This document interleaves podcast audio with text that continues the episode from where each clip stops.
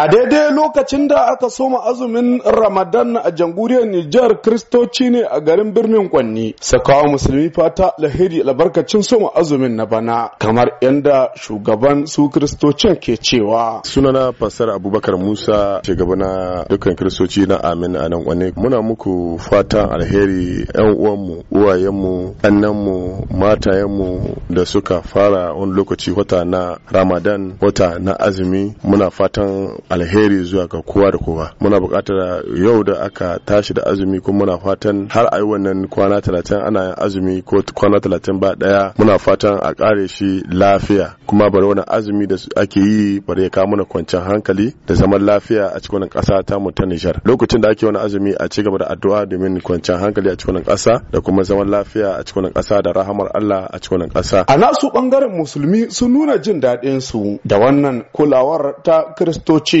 A irin wannan lokaci kamar yadda malam Muhammadu dan wazihu ya muna ƙarin bayani. Wannan ba bakon abu ba ne ai shi a cikin musulunci tarihi ya riga ya gabata.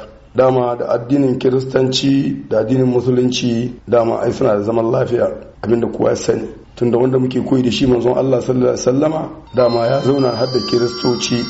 Ya zauna da ma waɗanda ba su da addini. Kenan dan haka tunda haka ga Allah da kanshi ya halatta ma musulmi ya aure ahlul kitabi kirista. Kenan wani sirri na wanda Allah ya sani tsakanin bayi da bayi wanda kenan wannan ba abin mamaki ba ne da an ce kiristoci sun nuna murna da jin daɗi akan samun watan ramalanu tunda watan ramalanu alkhairi na mai yawa ga duniya gaba ɗaya. Tunda wanda ya aka ba qur'ani cikin manzo sallallahu alaihi wasallama? Allah ma ce yayi wa ma arsalnaka illa rahmatan lil alamin. Kenan shi ko qur'ani cikin ramalanu an kasabkar da shi. Kenan dan haka kuma qur'ani rahama na manzon Allah rahama na ga duniya gaba ɗaya da musulmin da kirista da hadda arna alkur'ani ya zan rahama gare su. Mukan musulmi idan lokaci ya kama sun kai wannan kirsamatin nan mukan zo mu gaida su mu nuna musu lalle mu ma masu neman zaman lafiya na addinin mu ya koya mana ai zaman lafiya. Kiristocin sun ja hankulan 'yan kasuwa daga bisani da su kula da yin sauƙi wa musulmi na kayan masarufi a wannan lokacin na azumin ramadan kamar yadda pastor abubakar musa ya bayyana gaskiya muna kila ga 'yan kasuwa a cikin lokaci na azumi ana yin azumi ne domin neman lada ko neman